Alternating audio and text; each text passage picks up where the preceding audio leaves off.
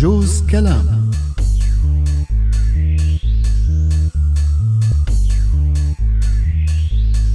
شو هذا أم جوزيف؟ شو هذا اللي بإيدك؟ شو عم تقري؟ هاد بوستر جابت لي رفيقتي لمسرحية أطفال. إيه وشو بدك تعملي فيه؟ عم فكر اجمع أولاد الحارة وآخذهم على المسرحية. شو رأيك؟ ماني موافق. أوف ليش بقى؟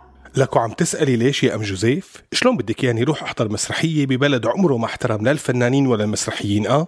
لك إذا مدير مسرح الطفل معتقل من أكثر من أربع سنين وما حدا بيعرف عنه شيء شلون بدك يعني روح وشارك بنشاط مسرحي آه شلون؟ قصدك زكي كورديلو؟ إيه طبعا لكن مين غيره؟ الله يفك أسره ويرجعه سالم يا رب آمين آمين مشان هيك أنا ضد الفكرة يعني والله أنت الحق معك بس كمان الأولاد شو ذنبهم ولا كمان بدنا إياهم يطلعوا ما بيفهموا شيء بالفن والأدب والمسرح لأنه شو نحن مقاطعين هاي الفعاليات. مم، يعني معك حق بس آه، يعني ليكي شو؟ إجتني فكرة. هات لنشوف يا أبو الأفكار. تعي نعمل مسرح بالبيت. بالبيت عنا هون؟ إيه بالبيت عنا هون ليش لا؟ إيه لأنه ما عنا قدرنا نسوي مسرح ومنصة وكل هالحكي. يا ستي الفكرة اللي ببالي ما بدها أكثر من متر بمتر والأولاد اللي بدهم يجوا يتفرجوا بيقعدوا على الصوفايات وبنحط لهم مخدات على الأراضي. شلون بدك تساوي مسرح متر بمتر؟ والممثلين شلون بدهم يتحركوا بهالمتر؟ عم أفكر نعمل مسرح ظل.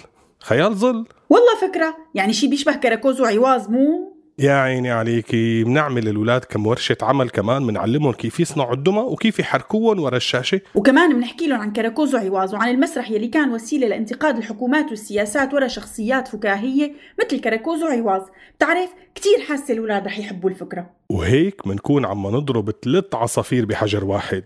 منسلي الأولاد ومنفرجيهم مسرح. ومنكون أوفياء لزكي كورديلو الوحيد اللي كان عم يشتغل مسرح خيال ظل بسوريا وعم يحافظ على هذا التراث.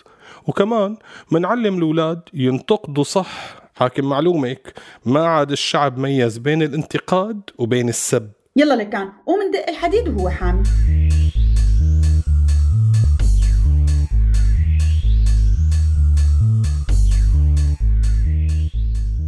وهيك يا أطفالنا يا كرام سجن الأسد ملك الغابة الفرس الهمام لأنه أزعجه بصوت صهيله العالي وما خلاه يعرف ينام.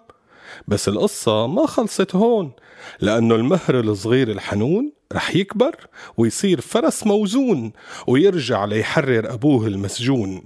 وإذا بدكن تعرفوا شلون تعالوا الأسبوع الجاي بنفس الزمان والمكان وجيبوا رفقاتكن وأخواتكن كمان. جوز كلام.